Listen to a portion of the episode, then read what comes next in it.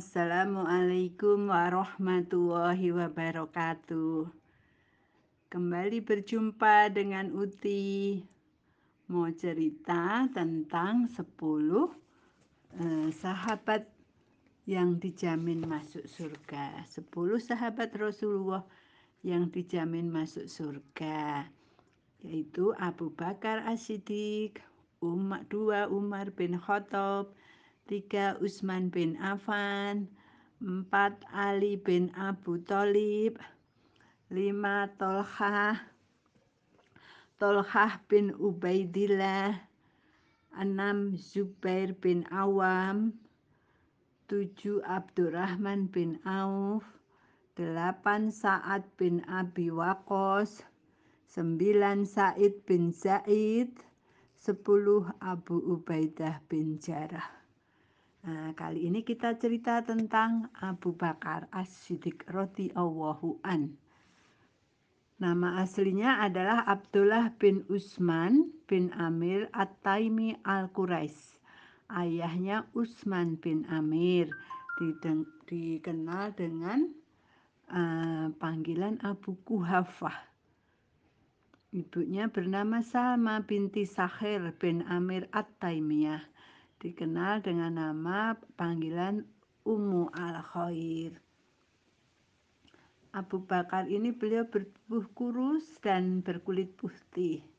Ahlaknya sangat mulia, pemberani, tegas, dan tenang, suka menolong, sabar, dan sangat pandai, apalagi dalam bidang sejarah.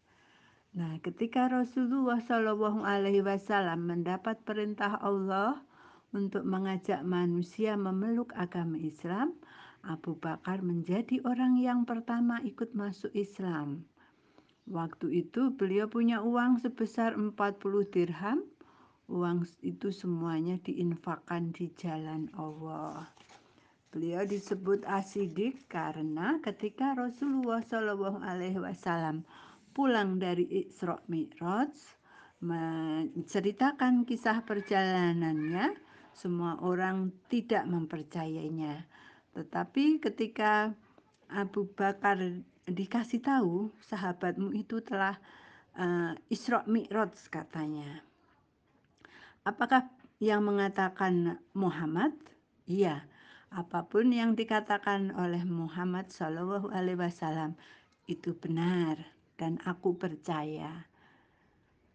Nah, Abu Bakar, makanya Abu Bakar kemudian mendapat julukan As-Siddiq. Abu Bakar selalu menemani Rasulullah.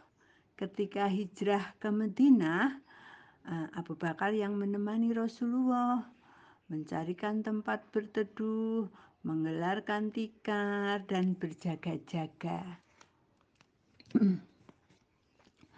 uh, Pada seorang sahabat bernama Abdullah bin Umar pernah berkata, pada masa Rasulullah kami membanding-bandingkan para sahabat. Kami memilih Abu Bakar sebagai umat Rasulullah yang terbaik. Setelah itu Umar bin Khattab, kemudian Utsman bin Affan. Uh, siapa manusia terbaik setelah Rasulullah? Uh, ayah dari Abdullah bin Umar menjawab, Abu Bakar As-Siddiq radhiyallahu an. Setelah itu siapa? Umar bin Khattab. Rasulullah Shallallahu alaihi wasallam bersabda, manusia yang paling banyak berkorban untukku adalah Abu Bakar. Seandainya aku diperbolehkan untuk mengambil kekasih selain Allah, kekasih itu yang sangat disayangi, aku akan menjadikan Abu Bakar sebagai kekasihku. Namun karena tidak boleh, jadi cukuplah dia sebagai saudara seiman dan aku mengasihi serta sayang kepadanya. Uh, kemudian Rasulullah pernah bersabda begini kepada Abu Bakar. Siapa yang menafkahkan harta benda di jalan Allah, nanti dia akan dipanggil melalui pintu surga jalan uh, sedekah. Jika ia rajin sholat, ia akan dipanggil melalui pintu sholat. Jika dia berjihad, dipanggil melalui pintu jihad. Jika ia berpuasa, ia dipanggil melalui pintu Aroyan. Pintu Aroyan adalah pintu orang yang suka berpuasa. Abu Bakar bertanya, apa ada orang yang dipanggil dari semua pintu, wahai Rasulullah? Beliau menjawab, iya, ada, dan aku berharap semoga kamu salah satunya. Hmm. Banyak sahabat yang masuk Islam melalui Abu Bakar, seperti Utsman bin Affan, Zubair bin Awam, Abdurrahman bin Auf, Sa'ad bin Abi Waqqas, dan Tolhah bin Ubaidillah. Suatu hari, seorang sahabat bernama Abu Musa al-As'ari bercerita, Aku menjaga pintu Rasulullah. Lalu Abu Bakar datang dan hendak membuka pintu. Aku berkata, siapa kamu? Aku Abu Bakar. Abu Musa berkata, tunggu sebentar ya, aku minta izin dulu kepada Rasulullah. Kemudian setelah minta izin, eh, Rasulullah diberitahu bahwa Abu Bakar datang, beliau berkata, izinkan dia masuk dan sampaikan kabar gembira kepadanya bahwa dia masuk surga. Abu Bakar selalu menemani Rasulullah dalam segala situasi membela Rasul dengan harta dan jiwanya, ikut dalam semua peperangan bersama Rasul. Perang Badar, ada perang Uhud, ada perang Hondak, perang Khaybar, perang Hunain, dan peristiwa besar lainnya. Abu Bakar juga ikut uh, menaklukkan kembali kota Mekah pada tahun 8 Hijrah. Waktu Rasulullah Shallallahu Alaihi Wasallam sakit, beliau memerintahkan Abu Bakar untuk menjadi imam sholat menggantikannya. Nah, pada suatu hari Rasulullah keluar dari rumah, lalu ia sholat di belakang Abu Bakar. Hmm, Abu Bakar mau menyilahkan Rasul, tapi Rasul memberi isyarat, biarlah Abu Bakar tetap menjadi imam sholat subuh itu saat-saat terakhir di anu perpisahan saat-saat mau perpisahan dengan Rasulullah Shallallahu Alaihi Wasallam. Nah, akhirnya pada hari Senin tanggal 12 Robiul Awal Rasulullah Shallallahu Alaihi Wasallam wafat. Abu Bakar datang dan masuk ke kamar Rasulullah Shallallahu Alaihi Wasallam lalu mengucapkan innalillahi wa inna ilaihi rojiun. Kemudian Abu Bakar mencium dahi Rasulullah dan berkata, Duhai nabiku. Kemudian mencium lagi dan berkata, Duhai orang dekatku. Lalu Abu Bakar mencium lagi dan Duhai kekasihku Rasulullah Shallallahu Alaihi Wasallam. Uh, setelah Rasulullah Shallallahu Alaihi Wasallam dimakamkan, Umar bin Khattab menjelaskan kepada Rasulullah kepada seluruh sahabat bahwa Rasulullah telah memilih Abu Bakar menjadi pemimpin umat dan semua para sahabat uh, mendukungnya. Mendukungnya menjadikan Abu Bakar adalah khalifah pertama dalam Islam. Dan setelah diangkat menjadi khalifah beliau pidato. Wahai saudara-saudara sekalian aku ditunjuk untuk memimpin kalian. Jika aku berbuat baik bantulah aku jika aku berbuat buruk, luruskan aku. Kejujuran adalah amanah dan dusta adalah pengkhianat. Aku hanyalah pengikut sunnah Rasul dan bukan pembuat hal yang baru. Karena itu, jika aku perlu aku lurus, ikuti aku. Dan jika aku menyimpang, luruskan aku. ah, berita meninggalnya Rasul langsung tersebar ke seluruh kabilah Arab. Ada beberapa yang kemudian jadi keluar dari Islam, Dek. Anak ya, ada yang keluar tak mau bayar zakat. Nah, terus mereka menganggap bahwa Islam hanya ada waktu Rasulullah saja. Tapi Abu Bakar bertindak tegas.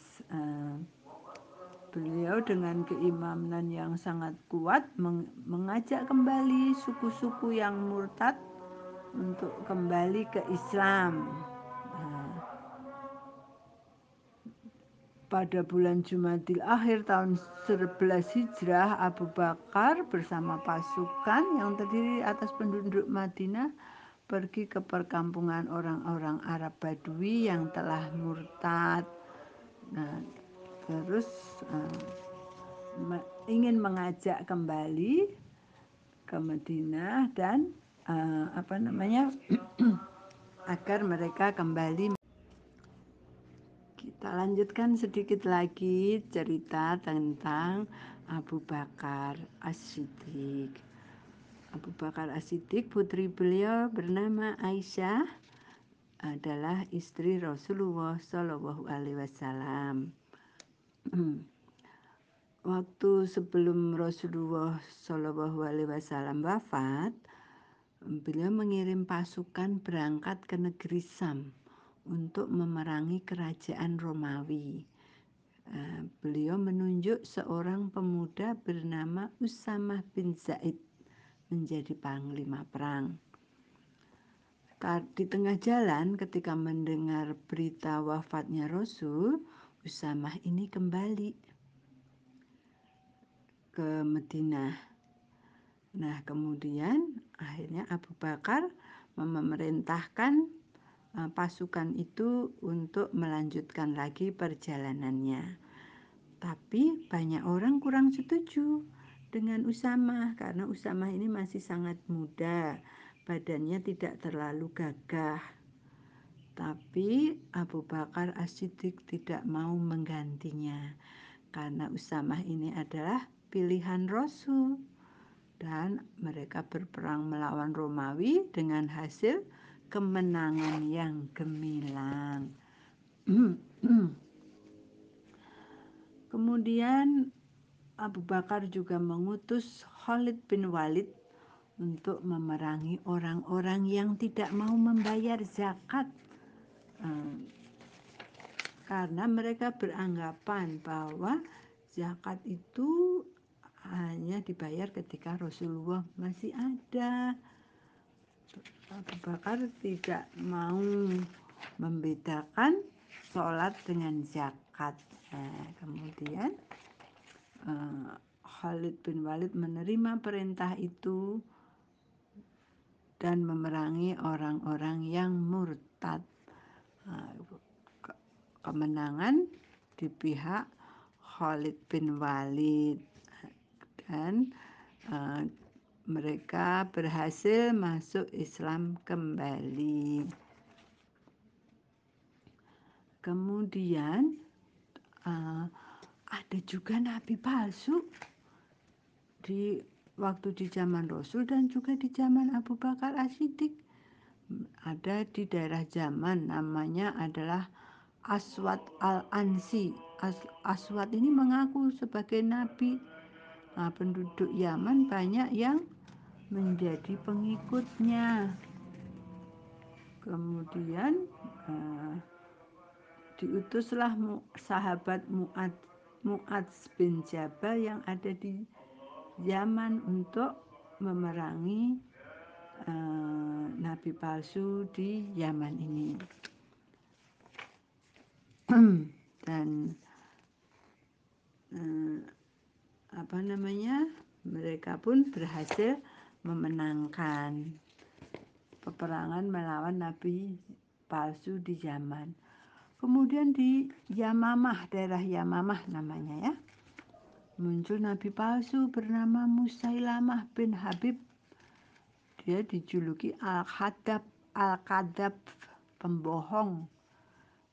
Nah, Kemudian Abu Bakar mengutus sahabat Ikrimah bin Abu Jahal. Nah, Ikrimah ini Islam, kalau ayahnya kafir ya. Dan eh, Surabil bin Hasanah untuk memengerangi uh, Musailamah Al-Kadzab. Tapi kalah pasukannya Ikrimah.